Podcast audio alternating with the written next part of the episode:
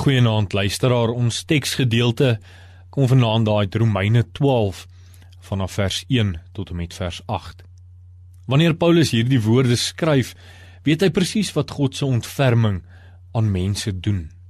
Hy self was 'n Fariseer, 'n Jood en het God se kinders vervolg.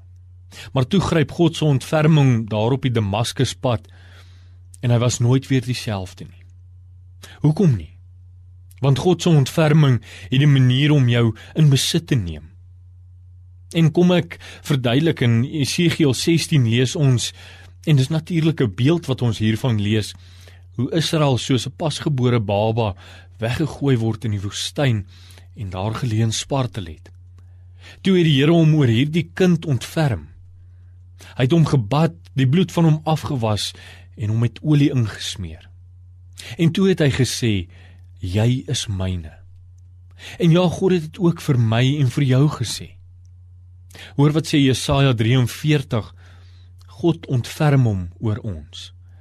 Hy spreek die goddeloses vry en sê vir hulle of jy dit nou wil weet of nie. Jy is myne. Jy het myne geword. En as God dit sê, dan is dit so. As 'n mens hierdie woorde eers gehoor het, dan moet jy daarmee rekenskap begin hou. Sodra ons oortuig is daarvan dat hierdie woorde waar is en dit is tog, moet 'n mens iets daarmee begin doen, want wat jy ook al met hierdie woorde maak, dinge sal nooit weer dieselfde wees nie. Jy kan weier om hierdie woorde ernstig op te neem, en jy kan dit probeer ignoreer. Jy kan dit in jou hart probeer doodskreeu of vir jouself sê om liewers nie nou daaroor te dink nie. Maar moenie 'n fout maak nie.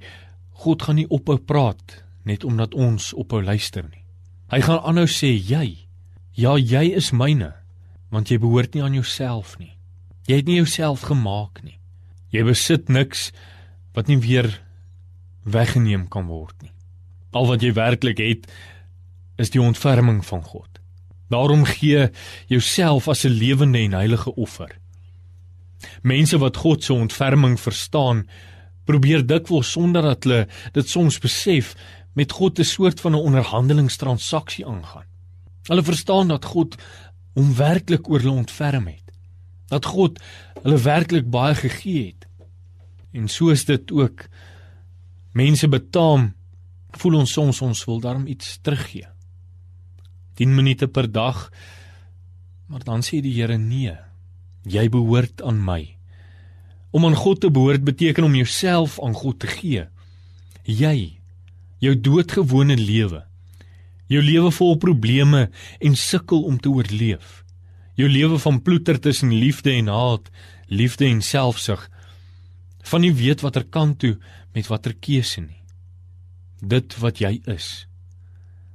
Paulus praat immers hier van 'n lewende offer wat beteken dat jy gaan slaap en jou opstaan, jou werk toe gaan en jou huis toe kom, jou inspann en jou ontspan, ook alles aan God behoort.